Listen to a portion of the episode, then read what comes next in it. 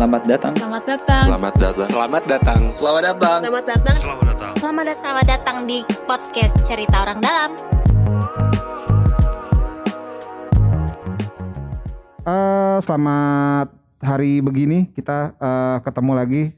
Hari ini agak spesial episodenya, teman-teman. Em, kita akan jadi gini, eh, sudah enam bulan nih Jakarta kan eh, ada eh, pandemi COVID-19 gitu. Tapi kayaknya eh, cerita orang dalam ini belum pernah bahas tentang eh, orang-orang di balik itu gitu. Orang-orang di balik di balik eh, gimana caranya Jakarta bisa bisa apa mencapai kondisi hari ini gitu ya.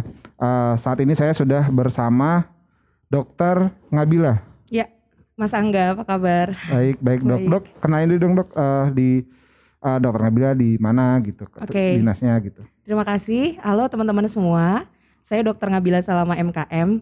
Teman-teman bisa panggil Bila. Saya di Dinas Kesehatan Provinsi DKI Jakarta sebagai Kepala Seksi Surveillance Epidemiologi dan Imunisasi. Wah, memang kita berarti berarti memang eh, yang da- salah satu yang dapat tanggung jawab langsung untuk me- me- Ya. handle gitu ya kondisi Memang semua epidemi. penyakit menular wabah itu ada di bawah seksi aku. Jadi termasuk COVID ini kita udah benar-benar melanglang buana dari awal Januari bahkan. Hmm, hmm, hmm. Jadi eh, sense of crisis di seksi aku tuh sebenarnya udah ada dari 7 Januari. Oh gitu. Itu Ah, kenapa bisa? Maksudnya itu kan waktu Jan- Januari kan kita belum tahu apa-apa ya. Maksudnya eh, orang Indonesia tuh di Januari tuh masih belum dengar apa apa sih gitu. Ada Iya. apa? Akan ada apa gitu. Jadi tuh eh, 31 Desember kita dapat informasi yang namanya surveillance tuh kan seperti detektif Hmm, mata-mata. Jadi informasi sekecil apa pun tuh sangat berharga. Iya. Kita tangkap sebagai rumor dan harus kita buktikan benar atau enggak. Hmm, hmm. Nah, begitu kita tahu ada severe pneumonia di Wuhan dan Hmm. mereka sudah langsung tutup area yang terlokalisir di 1 Januari, kita tanggal 7 Januari itu melakukan sosialisasi ke 190 rumah sakit dan 44 puskesmas. Hmm, Kita sosialisasi lagi tentang cara pakai alat pelindung diri. hmm, hmm. Kita bikin kebijakan juga untuk ayo siapin alat pelindung diri di tiap puskesmas. Kayaknya lebay banget ya kayak mau perang gitu ya, ba- beli baju astronot dan lain sebagainya. Terus kita juga bikin kebijakan ke kantor sampai akhirnya di bulan Januari kita sudah me- apa tuh melakukan penyuluhan ke 15.000 orang di 500 titik Hmm. di apartemen, di kantor, di mall dan lain sebagainya. Eh, terus kita juga udah melatih lagi refreshing semua analis lab di rumah sakit dan puskesmas untuk ngambil spesimen. Hmm. Itu kita undang Litbangkes langsung dan tanggal 24 Januari kita pertama kali punya terduga. Waktu itu aku ikut langsung karena kebetulan lokasinya dekat rumah ya. Terjun sama puskesmas, ngambil spesimen sampai 28 Februari kita udah ada 138 terduga Iya. yang semuanya negatif. Semuanya negatif. Iya, Tapi jadi- sudah diduga bahwa orang itu eh, mungkin Yap. kena eh, si apa ya eh, pneumonia misterius Pneumonia itu ya. Misterius karena dia dari white dari China. Jadi di 7 Januari itu kita bilang, "Hello puskesmas rumah sakit, kalau ketemu ada pneumonia yang gak wajar dan dia dari China, wajib lapor Dinkes. Kita periksa yuk spesimennya di Litbangkes gitu pesennya." Oh wow. Tapi kan maksudnya gini. Maksudnya kan saat semua orang itu nggak aware gitu ya. Yap. Kita semua dengar, kita semua dengar bahwa iya ada sesuatu gitu, ada sesuatu di di di eh, China. Eh, tapi orang nggak membayangkan itu akan se semewah itu, Yap. semewah, se- sewah itu ya.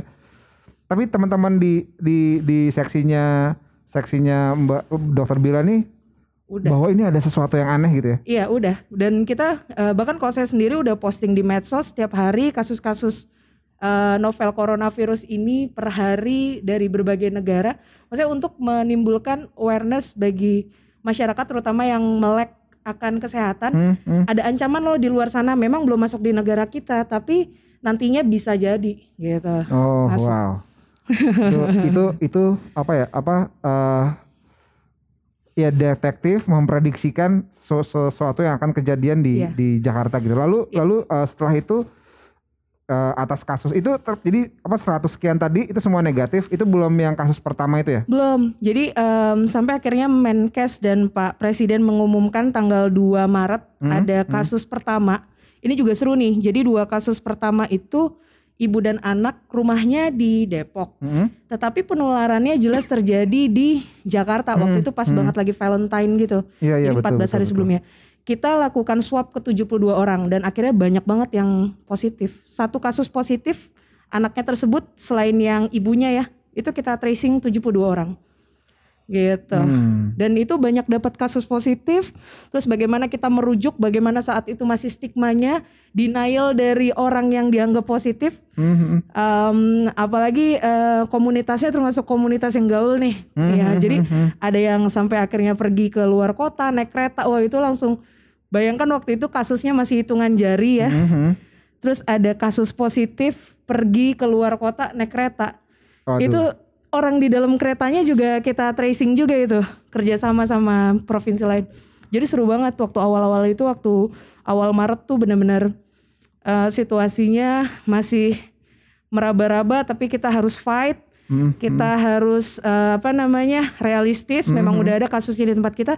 Kita lakukan tracing. Untung puskesmas semangat banget Iya, iya. sampai akhirnya kita terus dapat kasus dapat kasus sampai akhirnya memutuskan untuk PSBB transisi Iya. karena kondisinya waktu itu kasus baru kita cuma PSBB total 40-an. dulu kali. Total atau transisi? Oh iya, PSBB total dulu. Iya, iya, iya.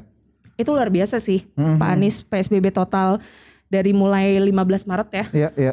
dan benar-benar kita bisa flattening the curve-nya itu 14 hari sesudah tanggal 15 Maret ya Iya, iya, iya. itu benar-benar flat sampai akhirnya kasus kita harian itu udah flat di 40 sampai 60 ya per hari Mhm. di tanggal 4 Juni itu Jadi akhirnya sampai 4 Juni itu berarti kan 4 Juni itu habis lebaran ya? landai iya trennya udah nurun tuh waktu itu 4 Juni itu udah turun. Berarti berarti kan Oh. maksudnya saya ingat dulu em, eh, lebaran itu kan orang susah keluar masuk tuh SKM apa segala macam iya gitu-gitu kan. benar-benar Berarti itu sebenarnya pada pada Ju- 4 Juni itu kita udah hariannya dengan 40 60-an. Exactly. Wow. Jadi kita tinggal 40 sampai ya paling banyak 100. Akhirnya ba- based on data tersebut kita mulai pelonggaran. Iya, Tapi iya, tuh inget banget Pak Anies selalu bilang kalau kita pelonggaran kesehatan kerja dua kali lipat. Aku selalu ingat itu. Mhm, mhm. Dan kita memang kemampuan testingnya udah 2 sampai tiga kali lipat dari awal itu. Jadi otomatis kita benar-benar bisa dapat kasus yang lebih banyak lagi. Dan tentunya waktu itu inget ya Mas kita melakukan active case finding. Iya, betul betul betul. Jadi benar-benar ke, Ke di RW, gitu, di RW, LWPK, gitu. Iya, iya, iya. kita lakukan ke masjid, tempat ibadah, ke Hmm. pasar, tempat-tempat umum gitu kan. Sampai akhirnya positifnya banyak dan dari situlah eh, dasar kita melakukan kontak tracing dari kasus positif. Mhm. Jadi seru sih. Terus di awal Mei juga kita saat puasa kan kita udah mulai rapid test kampung Iya, tuh Mas, betul ingat kan betul waktu betul. itu? Iya, iya, iya. kita bikin mapping kasus-kasus yang banyak di kelurahan, kita pilih kampung-kampungnya, sampai akhirnya kita um, iniin apa namanya kita rapid test dapat banyak yang positif lagi. Dari situ kita mulai hipotesis, wah ini udah nggak di kelompok ekonomi tinggi ya, jadi emang udah nyebar ke um, apa namanya ke masyarakat yang menengah ke bawah, ke usia 20 sampai 50 tahun, mobile tanpa gejala itu udah udah terprediksi. Dan aku ingat eh, sebenarnya waktu di Hmm. awal-awal itu kan eh, orang-orang yang kena kasus ini adalah orang-orang yang mobilitasnya tinggi ya. Dia keluar kota, dia keluar negeri, Yap. eh, pulang ke Indonesia eh, bawa virusnya gitu. Maksudnya Mm. bukan bukan berarti membawa virusnya tapi kayak dia tertular di sana, pulang ke Indonesia dia menularkan lagi Mm. di sini. Yang mana waktu itu belum sampai ke menengah ke bawah kan gitu ya. Oh, Orang-orang iya. yang menengah ke bawah dan kita Jelas. saya, saya ingat waktu itu eh, teman-teman Dinkes juga punya concern kalau sampai masuk ke kampung-kampung kan gitu. Iya benar. Tambora gitu yang sangat padat Iya. gitu Em, dan itu sekarang kondisinya hari ini Hmm. itu se- segitunya Eh, Oh, iya. hari ini tuh di di masyarakat maksudnya kasusnya kita ingat eh, saya yang saya ingat gitu teman-teman yang dengar juga pasti ingat dalam sebulan sekarang ini rata-rata seribu kan? Rata-rata tuh per hari Iya. seribu sembilan ratus delapan ratus seribu sembilan ratus. Itu kan jauh dari tadi yang dokter Bila bilang 4 Juni itu 40 60 gitu. Triggernya apa sih dok? Oke, sebenarnya ada yang menarik Mas Angga. Jadi ada studi di WHO itu yang namanya infection fatality rate. ya ya Jadi em, berdasarkan kemungkinan tuh em, yang sudah terinfeksi ya, kira-kira udah punya kekebalan tubuh terhadap COVID, terus dibandingkan dengan kematian COVID kita Iya, saat ini iya. yang di 2000-an, itu sebenarnya Jakarta kemungkinan orang sudah terinfeksi COVID itu sekitar 170 ribuan. Wow. Nah, dan Jakarta bisa menemukan konsisten sepertiganya itu menurutku suatu hal yang prestasi sebenarnya. Jadi kalau em, surveillance itu sistemnya adalah ketika kita menemukan kasus banyak itu em, kita ada sisi baiknya juga karena kita tahu betul kondisi di lapangan tuh masih seperti apa. Ya, ya, Tapi ya. yang nggak boleh kita biarkan kita nggak ada rekomendasi-rekomendasi yang cukup tajam yang nantinya bisa untuk memutus mata rantai penularan itu karena Ya, ya, ya. surveillance itu kan detect, prevent, respond. Tentunya Ya, ya. di preventnya ini kita harus ada rekomendasi kesimpulan untuk rekomendasi kebijakan itu endingnya. Ya, Jadi sebenarnya nggak usah terlalu kaget dengan jumlah kasus DKI yang 50 ribu Iya, iya. karena estimasinya kemungkinan sudah 150 ribu. Kemungkinan berarti berdasarkan prediksi surveillance bahwa orang yang tertular di DKI sudah 170 ribu orang. Iya sorry sekitar 170 ribu. Wow. Dan kita bisa menemukan sepertiganya, eh, kita bisa containment itu eh, sebenarnya sudah cukup baik sih teman-teman bekerja keras untuk menemukan kasus-kasus tersebut gitu. Hmm, itu dan dan per hari ini, nah ini juga agak menarik nih. Hmm. Eh, dulu waktu awal-awal kasus kan semua orang pengen punya mesin tes PCR gitu ya. Yap. Ada, maksudnya semua negara berebut gitu. Hmm. Jakarta bisa sampai empat kali itu berarti usahanya keras sekali dok. Ya, itu luar biasa sih eh, kerja keras dari tim laboratorium ya. Jadi kita itu yang namanya public private partnership tuh bener-bener eh, dilakukan banget karena di Jakarta ini kan juga banyak segmen orang-orang yang menengah ke atas Iya, yang sebenarnya mereka mampu. Jadi eh, dari sekarang yang kemampuan lab Jakarta sekitar hampir 11.000 PCR per hari dengan di awal kita hanya mengandalkan litbangkes di awal Maret itu hanya sekitar 200-an per hari Iya. itu lonjakannya luar biasa banget. Jadi kita itu pun eh, kita nggak puas dengan 11.000 ini. Kenapa? Karena dari 11.000 ini kan banyaknya laboratorium swasta. Iya, dari iya. 57 lab itu kan mayoritas swasta. Yang lab pemerintah cuma 10. Iya, iya. Yang lab pemerintah yang bisa menerima sampel tracing itu hanya sekitar 3.000 sampai 3.500 sejujurnya. Nah, kita di challenge biar bisa 10.000. Iya, iya, iya. Nah, jadi em, apa namanya kita masih terus berusaha meningkatkan karena saat ini kita benar-benar prioritaskan banget untuk pemeriksaan eh, PCR dengan kontak tracing. Jadi kita udah nggak ada active case finding lagi karena Hmm. Iya, iya, iya. active case kita aja sehari udah per hari ini udah 11.000 ribu lebih gitu kan. Iya. Nah, jadi kita memang manfaatkan untuk kontak tracing, kontak tracing, di situlah positivity rate kita tinggi. Hmm, Karena pasti peluang orang yang untuk jadi positif tinggi. lebih tinggi dong karena, dia kontak erat. Tracing, iya betul betul. Iya gitu. Tapi kan eh, dok ini pertanyaan apa eh, tes kita sudah sesuai standar WHO ya. Tadi Iya. sudah 11.000 ribu kolaborasi sama swasta Siap. gitu ya. Eh, tapi kan tracingnya terakhir eh, kalau nggak salah di di TV kemarin Pak Gup juga sempat bilang kita cuma satu banding enam. Sedangkan WHO itu kan satu banding 30 gitu ya. Mungkin ini kan PR selanjutnya nih. PR selanjutnya setelah tes eh, sesuai standar berarti kan tinggal tracing sesuai standar gitu ya. Eh, ada ini nggak dok? Maksudnya kenapa sih gitu? Ada ada ada yang ada yang Oke. Sebenarnya ini eh, terkait dengan pencatatan pelaporan juga sih. Memang kita Hmm. lagi proses untuk lebih membuat ini menjadi tidak manual. Selama ini Iya, kan kita dapat laporan manual saja dari Iya, puskesmas bahwa berapa sih yang dilakukan pemeriksaan PCR. Iya. Tapi nanti kalau kita melakukan bridging dengan beberapa aplikasi tracing, Iya, iya. uh, kita bisa tahu exactly berapa sih ininya apa namanya angkanya Hmm, gitu. Nah terus em, apa namanya selama ini memang satu banding enam karena itu yang dilakukan PCR. Iya, iya. Tetapi eh, sebenarnya kalau berdasarkan standar WHO itu memang rata-rata kan di 5 sampai 90-an dan mediannya di 36 sebenarnya. Iya, iya. Tapi itu sebenarnya melakukan isolasinya, artinya containmentnya, bukan oh, bukan PCR. Belum tentu semua diperiksa PCR. belum tentu semuanya harus dites PCR. Hmm. Artinya kalau ada satu orang positif, kita harus cari minimal 36 orang kontak erat. Mm, mm. Yang 36 orang kontak erat itu harus karantina. Karena Belum dia ten- sehat ya. Belum tentu dia harus di PCR. Belum tentu gitu. Oh, kenapa belum tentu dok? Ya. Maksudnya kalau kalau yang aman kan tentunya dia harus dites langsung kan gitu. Ya. 36 36-nya dites langsung gitu. Ya, itu balik lagi dengan kondisi yang ada di daerah masing-masing. Apakah memang memungkinkan untuk melakukan PCR kepada seluruh kontak eratnya seperti itu. Tapi yang bagus sih memang sebenarnya bisa dilakukan semua Iya, iya, gitu. iya, iya. Kurang lebih gitu. Tapi kan maksudnya gini, kalau misalnya saya kena positif gitu ya. Mm. Berarti kan saya harus menceritakan 36 orang yang saya temui. Ya, Gitu nggak, Dok? minimal. Min- Iya minimal benar. gitu kan? Heeh.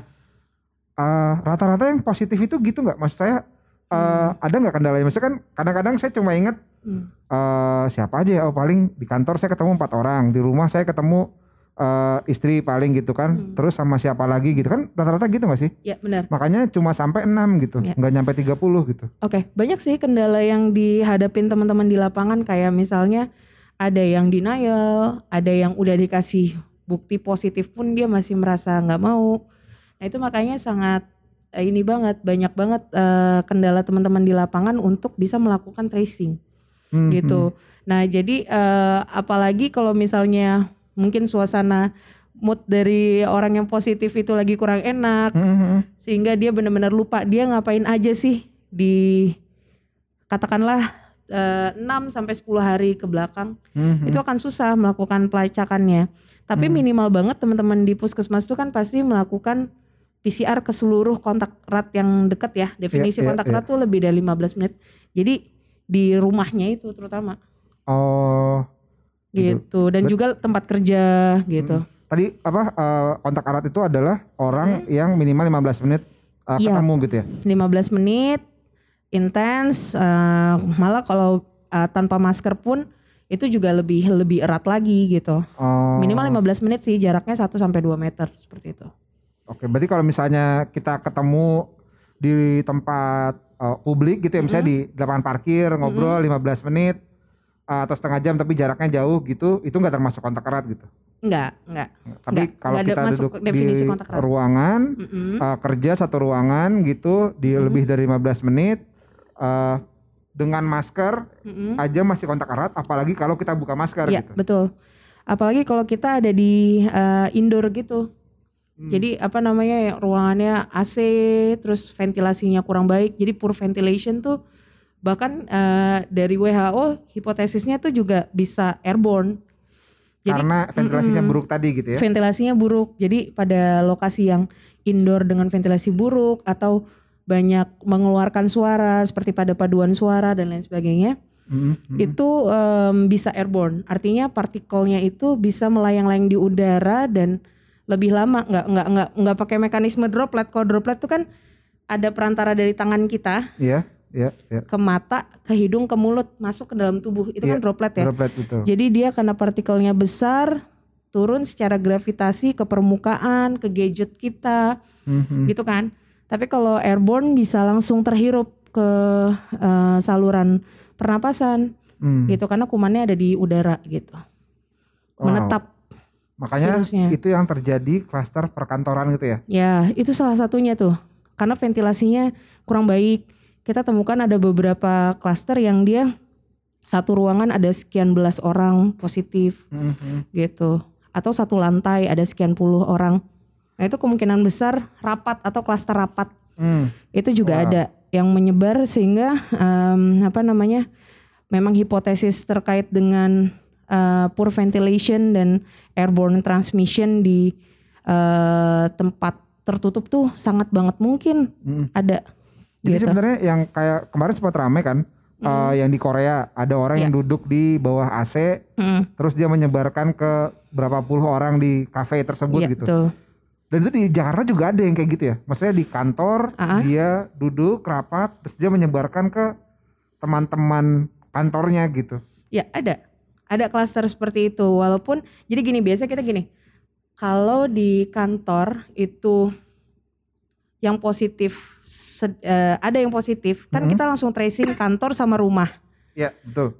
Di kantornya kalau seandainya nggak ada lagi yang positif, hampir mungkin dia dapatnya dari eh, keluarga atau komunitas. Hmm, hmm. Tetapi kalau di kantornya satu ruangan itu banyak yang positif, itu kemungkinan besar eh, dapatnya dari kantor Hmm.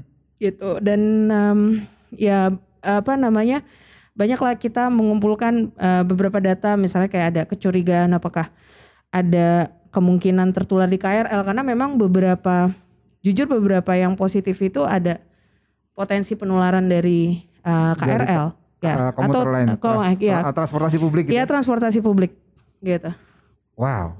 Ini soalnya um, Jakarta itu kan sangat sangat ini dengan transportasi publik, perkantoran dan segala macam gitu ya. Jadi hmm.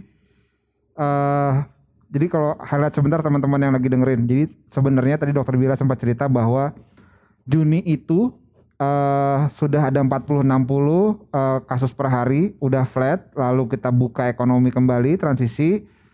Dari situ mulai banyak active case finding dan udah mulai banyak ketemu kasus per seribu. Tapi dokter Bila, dokter Bila bilang jangan uh, kaget juga karena prediksi surveillance itu sudah banyak. Ha, gitu. Hmm. Sudah banyak yang kena.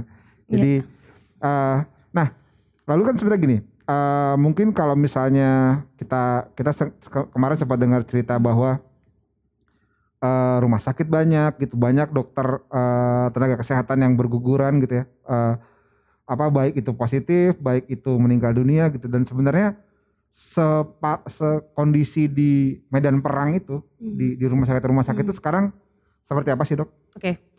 Jadi seiring dengan penambahan kasus, kita kan sekarang kondisi di pertengahan September ini kan mirip seperti pertengahan April ya. Waktu itu puncak-puncak oh, oh. tersulit kita, banyak uh, kasus uh, yang meninggal. Karena memang waktu itu juga kita prosesnya masih penyiapan rumah sakit kan, hmm, fasilitas hmm, kesehatan. Hmm, hmm. Sampai sekarang sudah punya 67 rumah sakit rujukan dan itu yeah. linear dengan kasus. Artinya kita juga harus melihat uh, indikator dari fatality rate-nya, case fatality rate hmm. gitu. Dengan kita menemukan kasus yang di awal sedini mungkin, hmm. kondisi tanpa gejala atau ringan, kita sudah bisa mengantarkan orang tersebut ke perawatan medis minimal dia isolasi di rumah dipantau puskesmas hmm. atau dia dibawa ke wisma atlet. Yeah. Nah, karena kondisinya COVID ini kan unpredictable disease yeah. dan benar-benar virusnya bisa bikin penumpukan cairan di paru dan akhirnya bahkan ventilator pun belum tentu belum bisa, bisa menyelamatkan. menyelamatkan. Wow. Jadi bayangin kalau di Jakarta kita uh, testingnya rendah gitu kan. Terus akhirnya nanti lebih banyak orang yang sudah kondisinya sedang berat masuk rumah sakit. Pastinya rumah sakit kita kolaps karena kurang SDM, kurang hmm. apa ventilator dan lain sebagainya. Dan ditambah juga apa banyak tentunya nakes yang meninggal uh, hmm. apa uh, pasien-pasien meninggal. Jadi uh, di Jakarta ini alhamdulillah uh, karena jumlahnya kasusnya banyak dan meninggalnya stabil ya saat ini hmm. ya di belasan ya rata-rata 10 sampai 20. Hmm. Jadi uh, fatality rate-nya rendah. Kita nggak hmm. bisa patokan kesembuhan karena kalau kesembuhan itu kan kasus banyak ya pasti yang sembuh banyak juga iya, lah iya, ya. Iya, iya. Gitu. Jadi tetap patokan kita bagaimana angka kasus meninggalnya seperti itu. Jadi memang yang harus diperhatikan adalah uh, berapa orang yang meninggal di Jakarta gitu ya. Karena meninggal, kalau banyak uh. yang meninggal tandanya banyak yang nggak diselamat nggak bisa diselamatkan yeah. sama rumah sakit gitu. Ya. Dan untungnya data kematian protap Covid kita tuh sangat baik ya dari Dinas mm -hmm. Kehutanan Pemakaman. Jadi uh, itu juga salah satunya yang membuat uh, kit, uh, kemarin Pak Gubernur mungkin menarik rem darurat salah satunya juga karena kematian protap COVID-nya juga tinggi, tinggi. karena memang sesuai definisi pedoman revisi 5 yang baru. Ya.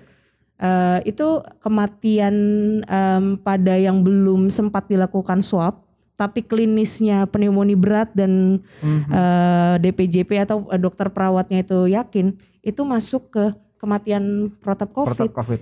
Uh, uh, jadi definisi itu yang membuat jadi dokter-dokter juga di rumah sakit jadinya lebih aware lagi uh, terkait dengan kemungkinan kematian yang belum dilakukan PCR. Hmm, hmm, hmm. Gitu. Dan itu kan sempat heboh ya maksud saya eh, kan kan uh, yang memutuskan untuk dia di protap COVID dan segala macam itu kan pasti dokter yang yeah. melihat kondisi klinisnya gitu yeah. ya. Iya. Bukan dengan ya gosip-gosip gitu dan segala macam gitu kan. Mm -mm. Apakah itu jadi kendala dok? Maksud saya orang eh, orang-orang yang yang dengan pengetahuan yang kurang tepat gitu ya. Hmm. Uh, sehingga akhirnya menganggap virus ini baik-baik saja, yeah. tidak semengerikan itu. Itu jadi kendala juga nggak pada saat proses tracing atau hmm. tes dan segala yeah. macamnya di Jakarta. Ya, masa nggak jadi tuh bener banget. Jadi stigmatisasi COVID di masyarakat ini masih tinggi. Padahal sebenarnya kalau kita pikir-pikir kan kenapa harus malu sih ya sakit Iya, iya. COVID? Dia kan bukan berdasarkan perilaku yang buruk. Betul betul. Sebenarnya gitu kan, maksudnya siapa pun kita bisa kena karena ini penyakit yang uh, menular lewat udara gitu kan, airborne dan droplet. Jadi uh, stigmatisasi masih tinggi. Lalu juga em, adanya em, apa hoax bahwa ini adalah komersialisasi eh, petugas kesehatan atau ini hanya konspirasi settingan. Bahkan teman kita di puskesmas ada yang di banyak yang di SMS warga eh, katanya puskesmas itu kan kalau da, eh, dapat satu kasus positif itu dapat 10 juta. Jadi saya nggak percaya sama Anda kayak gitu. Silakan Anda bisa menipu yang lain tapi tidak menipu saya dan keluarga saya. Jadi kayak Allah. wow. Jadi itu kendalanya sehingga benar-benar benar-benar agak sulit. Nah, termasuk tadi yang stigma apa eh, protap, Protap COVID, COVID itu gitu ya. juga eh, DKI Jakarta juga ketularan dari daerah lain itu. Oh iya. iya. Kalau kita lihat sejarahnya itu sebenarnya terjadi di provinsi lain. Oh, di di mana Jakarta tuh dulu belum pernah belum belum ada ya. April Mei dengan kasus kematian di Jakarta yang luar biasa dan protap COVID-nya juga sangat tinggi. Hmm. Kita nggak pernah yang namanya keluarga nolak pas dokter udah bilang ini Ko- Kemungkinan- COVID gitu. ya. uh, kuat COVID, kecurigaan kuat COVID, protap COVID, itu nggak ada yang nolak keluarga. Begitu ada di provinsi lain, penjemputan jenazah paksa, keluarga marah dan lain sebagainya, merembet juga ke Jakarta. Akhirnya uh, sempat di bulan-bulan kemarin Agustus tuh udah mulai Agustus, Ada September. tapi di Jakarta kasus begitu. Ada dan tentunya kita butuh dukungan dari lintas sektor juga ya, pengamanan, polsek, segala macam untuk uh, membuat suasana kondusif dan akhirnya keluarga bisa menerima.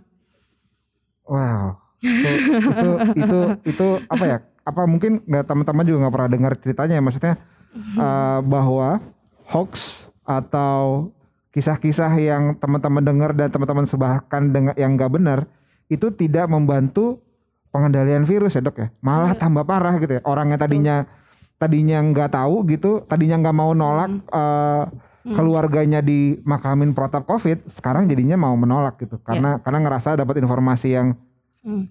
Eh wah gitu ya Ya. jadinya nolak-nolak gitu Intinya sih pokoknya di era pandemi ini teman-teman harus tahu bahwa ini tuh nggak 100 tahun sekali ada. Hmm, hmm. Terakhir tuh kita pandemi itu flu Spanyol 1915 Iya, iya. dan itu satu setengah juta masyarakat Indonesia meninggal. Satu setengah juta masyarakat Indonesia Ah, dan meninggal. itu ada tiga puncak. Jadi kalau sekarang kita di Jakarta baru mau menuju puncak kedua, ya masih panjang lah. Jangan berpikir, maksudnya kita berusaha secepat mungkin menuntaskan pandemi ini, tapi Iya, iya, kita eh, harus eh, maraton bukan sprint. iya, iya. Jadi harus jaga stamina banget. Nah, eh, dan kita nih sekarang berada di era pandemi ini dan kita ibaratnya orang-orang terpilih lah yang harus survive. Jadi kita nggak boleh saling pesimis, Iya, iya. tapi tentunya harus saling optimis. Jadi kalau ada sesuatu yang berita yang nggak jelas, kita mendingan forward secara pribadi ke orang yang kira-kira tahu jawabannya. Ini Iya, hoax iya. atau bukan? Jangan kita tanyakan di grup misalnya seperti itu.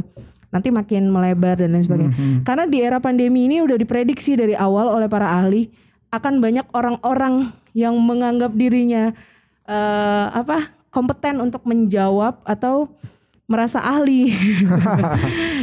Itu yang paling gawat itu. pandemi. Nah, jadi harus memfilter Ya, ya, sumber yang terpercaya. Jadi kalau teman-teman semua kalau boleh ya eh, follow eh, akunnya Dinkes DKI, DKI Betul, Jakarta, betul, Insya betul. Allah eh, apa eh, Informasinya berita-berita, benar. Informasinya benar. Dan kalau nggak salah eh, teman-teman, Dokter Ngabila ini salah satu dokter selebgram. Nah, Aduh, apa itu? karena karena ada banyak banyak teman saya dok. Enggak ini serius. Ada banyak teman saya yang juga eh ternyata follow dokter Ngabila. Oh, karena dokter. Ngabila katanya sering kasih tips, eh, kasih berita-berita eh, tentang apa eh, COVID di Jakarta, situasi dan segala macam. Jadi beberapa teman yang udah bilang iya nih saya juga follow eh, dokter Ngabila. Nah nanti mungkin eh, bisa cek di Hmm. Oh, Dinkes DKI.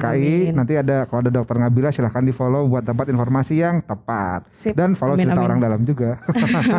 Siap. Nah itu dok, nah maksudnya gini, nah terus kan gini, kondisi hari ini kan Jakarta PSBB eh, pernah PSBB total, PSBB transisi. Saya sih nggak akan, saya nggak mau bahas eh, politiknya lah gitu, PS, tentang PSBB eh, apa rem darurat gitu ya. Cuma eh, apa apakah memang benar tenaga kesehatan ini butuh rem darurat gitu untuk Oke. mengerem gitu, ngerem laju laju penularan dan dan lain-lain gitu.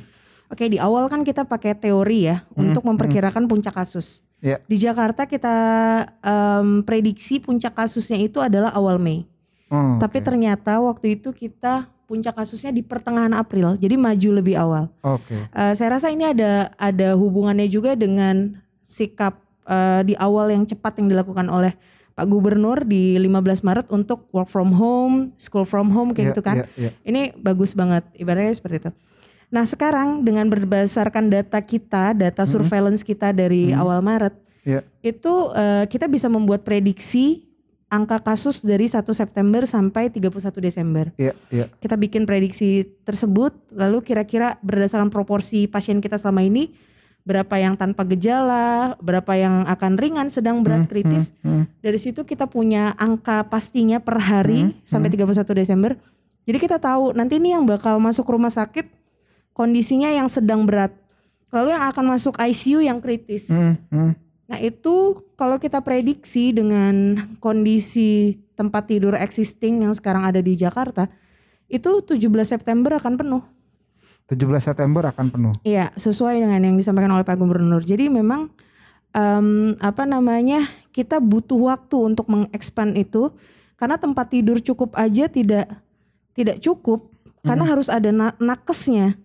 Nakasnya nggak cukup ya? Itu yang paling penting. Iya, iya, iya. Dan ya untuk melakukan expand itu yang saya dengar sih nakes ini masih sangat sulit untuk dicari. Karena juga kita aja DKI Jakarta itu banyak dibantu oleh nakes dari luar Jakarta juga. Iya, iya, banyak iya. yang apa namanya mendaftar sebagai relawan. Artinya banyak aspek yang harus dipersiapkan dan jangan sampai kita juga jadinya malah mengorbankan nyawa karena Mhm. kan dokter juga di Jakarta aja dokter itu udah 13 yang meninggal 13 dan orang. nakesnya itu yang meninggal ada sekitar 20-an gitu seperti itu. Wow. Angka yang apa namanya kalau dibandingkan provinsi lain nggak sebesar provinsi lain ya sebenarnya. Ada provinsi yang mungkin lebih besar. Cuma tetap itu nggak boleh dinilai hanya sebatas ah cuma segitu karena kan tenaga kesehatan itu kan secara pekerjaan hari-harinya kan 7 kali 24 jamnya kan sebenarnya untuk masyarakat juga ya. Iya, iya. Jadi ketika ada satu dokter spesialis meninggal, itu negara rugi sebenarnya Iya, betul. karena pelayanan eh, yang biasa mereka berikan untuk masyarakat jadi tidak dapat diberikan kembali dan gitu. dan ilmu yang didapat sebagai nakes itu kan bukan yang sehari dua hari di kalau pengadaan iya. tempat tidur kan kita bisa satu minggu bisa 100 bisa 1000 gitu ya pengadaan tempat tidur tapi Hmm. kan kalau kalau dokter itu tidak bisa dalam seminggu kita dapat 100 dokter 200 dokter kan gitu ya Iya betul. dia ada puluhan tahun belajar gitu Ya kuliah dokteran aja berapa lima tahun dokter itu minimal lima tahun. minimal lima tahun Iya, baru kuliahnya baru gitu ya. dokter umumnya, Belum belum, koas, pengabdiannya dan lain belum sebagainya. spesialis gitu dan makanya eh, time out ya kalau saya bahasanya mungkin bisa dibilang PSBB itu kayak time out ya buat teman-teman nakes buat apa stop eh, penularan penularannya ngatur strategi lagi dari awal bagi tenaga gitu supaya angka tuh nggak nggak terus-terusan Ya. menanjak gitu. Jadi PSBB itu kan prinsipnya membatasi pergerakan orang. Hmm. Jadi kita harapkan transmisi penyakitnya itu akan menurun sehingga jumlah orang yang sakit itu nggak bersamaan gitu, Hmm, nggak langsung. Dia akan eh, apa namanya terjadi perlambatan penambahan kasus. Itu Hmm, at least minimal flat lah. Flat curve-nya tuh kurva penyakitnya tuh flat. Nah di situ kita bisa persiapan, expand segala macam tempat tidur. Kita juga nggak boleh terbuai juga. Khawatir ya. ada eh, puncak ketiga dan lain sebagainya. Jadi tetap harus persiapan. Nah itu waktu kita untuk bernapas sejenak. Ibaratnya seperti itu, Mhm. gitu. Jadi em, sekalian teman-teman juga merasa bahwa oh ini memang belum belum aman. Jakarta belum aman dan nggak boleh menyepelekan COVID. Mhm, mhm. Karena ini kan tugas bersama kerja keras kita bersama gitu. betul betul betul. Ketika setuju. ada satu dua tiga orang melanggar, akibatnya orang yang udah bener-bener eman-eman banget nggak keluar rumah, udah bener-bener menjaga protokol kesehatan banget, jadi ikut terdampak. Iya iya. iya. gitu. Jadi harus saling mengingatkan sih sebenarnya intinya. Karena sebenarnya inti inti dari kan gini kalau ini ini sih eh, obrolan bukan obrolan saya ini ini eh, apa yang saya pikir gitu ya. Kalau waktu dulu flu burung kan penularannya kan burung ya.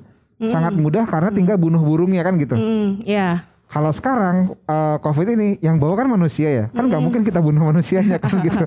Iya benar karena flu burung itu kan penyakit eh, dari hewan ke manusia penularannya Iya, belum iya. ada bukti dari manusia ke manusia jadi memang lebih mudah untuk kita memutus mata rantai penularannya berarti Iya, gitu. dengan memusnahkan uh, Unggasnya itu, unggasnya kan gitu. iya. Kalau ini kan uh, caranya adalah supaya uh, nggak ketularan, bukan manusianya yang kita hilangkan, tapi manusianya yang harus jaga diri gitu ya. Iya. Kalau nggak harus nggak harus nongkrong nongkrong, please lah jangan nongkrong nongkrong. Saya kalau buka Instagram itu kadang-kadang uh, sebel juga gitu, pada nongkrong, pada foto-foto nggak pakai masker dan segala macamnya. Karena kan uh, kita nggak pernah tahu ya orang-orang yang ada di tempat tongkrongan itu semuanya aman kah atau enggak kah gitu.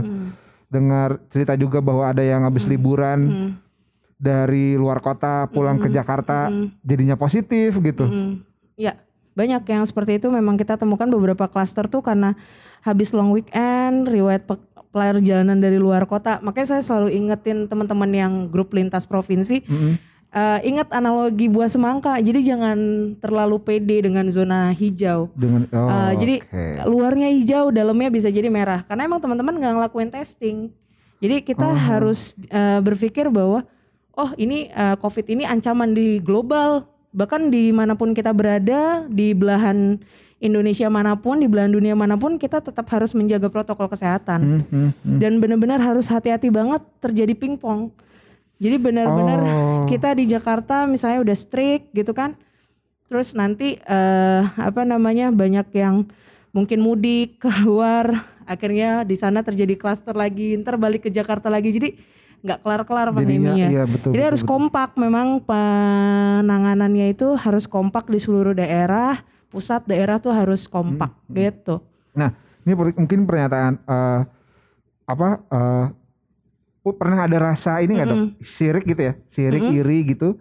Eh, lihat Italia dulu parah sekali, terus sekarang dia udah udah eh, eh, kasusnya udah sedikit gitu. Di Wuhan kemarin saya lihat dia eh, udah mulai ada yang party gitu ya, Eh, karena udah berapa lama kasusnya nol. Eh, lalu di apa namanya eh, Vietnam gitu eh, apa Korea Selatan juga gitu udah mulai turun gitu. Apa sih dok yang nggak ada di Indonesia dok? Eh oh, sorry bukan Indonesia, nggak yang nggak ada di Jakarta gitu? Ya, eh, sebenarnya kan itu semua eh, seberapa agresif kita melakukan respon di awal, Hmm. gitu. Jadi kalau memang opsi misalnya di awal itu kita bisa benar-benar total lockdown, misalnya seperti itu, itu ya akan lebih baik karena benar-benar pergerakan orang tuh Dibatasi dibatasin keluar gitu ya. masuknya gitu seperti itu. Jadi em, kita harus eh, strategi lebih aktif dan yang paling penting adalah testing. Jadi yang seperti Pak Gubernur juga selalu bilang, jangan kita takut rumah sakit kita penuh, akhirnya kita tuh ngurangin testing. Itu juga nggak boleh. Iya, Jadi benar-benar testing itu ibarat kata mata-mata kita, senjata kita untuk mendiagnosis sesuatu. Kalau nggak dites ya nggak bakalan kedetek gitu kan. Jadi kunci dari negara-negara lain itu adalah selain mereka memang agresif melakukan lockdown dengan militer ya, penjagaan militer, juga mereka melakukan testing, yang Testing, luar biasa masif. Dan Ya, ya. itu dilakukan tidak em, jomplang antara satu wilayah dengan wilayah lain, benar-benar Rata gitu ya semuanya. merata. Semuanya, semuanya punya bisa testing. ibarat kata semuanya punya semangat menuntaskan pandemi yang sama. Hmm, hmm. Jangan hanya sebagian daerah aja itu semangat luar biasa, daerah lain santai kayak gitu. Hmm, Nah itu itu itu yang harus hati-hati dan tadi menarik tuh Mas Angga tentang orang banyak banget masih nongkrong-nongkrong. Iya ya. iya iya iya. Kalau menurut saya sih mungkin karena jiwa empatinya masih kurang. Oh. Kalau kita punya jiwa empati, kalau di kedokteran itu kan kita belajar ada empati ya gitu Iya, sebenarnya. iya. Saya nggak tahu kalau di tempat lain. Jadi kalau kita empati, kita bisa merasakan kalau kita jadi dia. Hmm, Nah mungkin teman-teman nih ya, terutama anak-anak muda harus bisa merasakan. Misalnya gini, ada eh, orang yang eh, dia itu bapak ibunya meninggal karena covid. Hmm. Kita harus bisa bayangkan kita menjadi dia. Hmm. Gimana ya nanti kalau orang tua kita meninggal karena covid? Hmm, hmm. Atau eh, misalnya ada anak muda eh, meninggal karena covid, kita juga bisa membayangkan wah kalau saya meninggal karena covid gimana ya? Jadi ibaratnya tuh nggak mengabaikan ini gitu, karena memang kita melawan sesuatu yang nggak bisa kelihatan. iya kalau kelihatan sih gampang gitu. Jadi karena ini adalah pertarungan yang kita dia kecepatannya cepat, berlarinya cepat, kita masih di belakang terus. Terus udah gitu belum tahu persis kebandelannya gimana nih karakteristiknya. Terus juga eh, apa namanya? em, dia juga banyak apa nggak kelihatan gitu lebih tepatnya. iya iya. Jadi kadang kita menyepelekan gitu. Betul betul betul. Itu betul. yang benar-benar bahaya. Jadi ki- mungkin ada beberapa orang yang berpikir ah nanti kalau ketularan juga saya bakal sembuh. Tahu dari mana ya kan? Karena di usia 20 sampai 50 walaupun sehat bugar itu tetap ada yang meninggal juga. Hmm. Dan kita nggak nggak mau kan jadi satu dari seribu orang yang meninggal itu Iya, iya. misalnya. Dan dan itu kan random ya dok. Maksudnya gini. Iya terhadap komorbid betul. Yap. Dia memberikan memberikan efek yang lebih parah gitu ya. Terhadap komorbid itu teman-teman eh, orang yang ada penyakit penyerta, misalnya diabetes, jantung dan lain-lain kanker dan segala macam. Tapi kan kalau orang yang sehat tidak punya komorbid juga itu kan kayak random aja kan. Si A yang kayaknya nggak nggak sakit apa pun begitu kena eh ternyata dia parah banget loh gitu. Ya, jadi memang uh, kalau kita dari data DKI itu kita bisa melihat bahwa kemungkinan meninggal itu banyak pada usia di atas 50 tahun. Kalau dari segi usia, Iya. laki-laki itu lebih banyak satu setengah kali lipat lah. Laki-laki lebih banyak dari perempuan. laki-laki, Oke. uh, terus di atas 50 tahun, lalu dia juga ada yang jelas kalau pneumonia juga ya, Iya, uh, ada sesak gitu radang paru, dan dia ada penyakit penyerta paling banyak hipertensi. Nah sekarang hipertensi, di Hipertensi, Indonesia oke. itu udah udah mundur di usia 30-an udah bisa hipertensi Udah juga. bisa hipertensi. Ah, jadi hipertensi paling tinggi, terus kencing manis, terus eh, jantung dan jantung ini juga kan dan kencing manis anak-anak muda udah bisa kena juga ada penyakit Akibat? jantung bawaan Kopi kopi tongkrongan ya jangan suka udah minum kopi PPOK kopi. rokok ya perokok juga itu lebih lebih lebih berbahaya artinya Mhm. eh, sebenarnya sih momen eh, pandemi ini bisa kita gunakan juga untuk campaign hidup sehat Iya iya iya. Jadi bagaimana kita melakukan germas, gerakan masyarakat hidup sehat. Dan yang paling penting tuh cerdik. Kalau kita di kesehatan punya eh, kepan- kependekannya cerdik, Apa Mas? Angga. Cerdik. Jadi C, C itu ke- cek kesehatan berkala. Oh, Oke. Ah, terus E, enyahkan asap rokok. Hmm. Ah, R, rajin olahraga. Jadi kita walaupun lagi pandemi tetap di rumah tetap olahraga gitu. Iya iya. D itu diet yang seimbang, artinya makan kita harus bergizi, ada sayur, buah gitu. Terus I itu istirahat cukup. Jadi Mhm. kita tetap harus minimal tidur 7 sampai 8 jam sehari. Hmm. Terus K tuh kelola stres. Jadi udah banyak Hmm. penelitian bahwa bagaimana kalau kita stres itu akan menurunkan imunitas. Iya iya. Nah, jadi eh, kita tetap harus bisa rileks melakukan hobi atau kesenangan eh, masing-masing, tapi Iya, iya. tentunya tet- tidak melanggar protokol kesehatan ya. Betul betul itu yang paling penting. Protokol taat protokol. Ya dan dan apa namanya eh, kita nggak stres sehingga kita bisa eh, bisa meningkatkan imunitas kita juga. Jadi kita nggak gampang sakit gitu. Gitu. Wah ini itu apa ya? Ini sudah sudah hampir satu jam eh, ngobrol sama Dokter Bila dan memang kayaknya kalau bahas COVID itu tidak akan apa ya? Karena ini sesuatu hal yang baru eh, dan dan dan yang paling penting sebenarnya eh, butuh kerjasama sama eh, teman-teman semua gitu, baik yang dengerin juga. Nah terakhir dok, maksudnya harapan dokter nih sama orang-orang yang yang saat ini ngerasa kalau eh, COVID itu tidak nyata lah gitu. Mereka nongkrong, mereka eh, jalan, main ke mana, silaturahmi ke keluarganya tanpa mikirin eh, kondisi kesehatan keluarga gitu. Apa sih eh, sebagai orang yang se- sehari-hari gitu dari awal pandemi dari tadi tanggal 7 Januari gitu dari bulan Januari itu ngelihat COVID gitu. Ya, oke.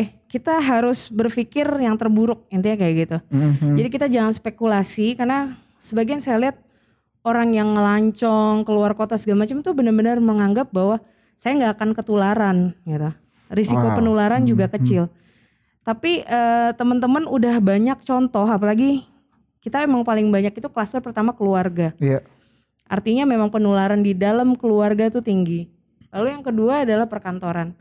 Jadi kita merasa kadang teman kita itu sehat-sehat aja. Iya. Tapi sekarang kita nggak boleh menganggap orang yang ada di sekitar kita itu sehat begitu aja. Iya. Karena banyak kasus positif ditemukan kalau di Jakarta 50% bener-bener nggak ada gejala.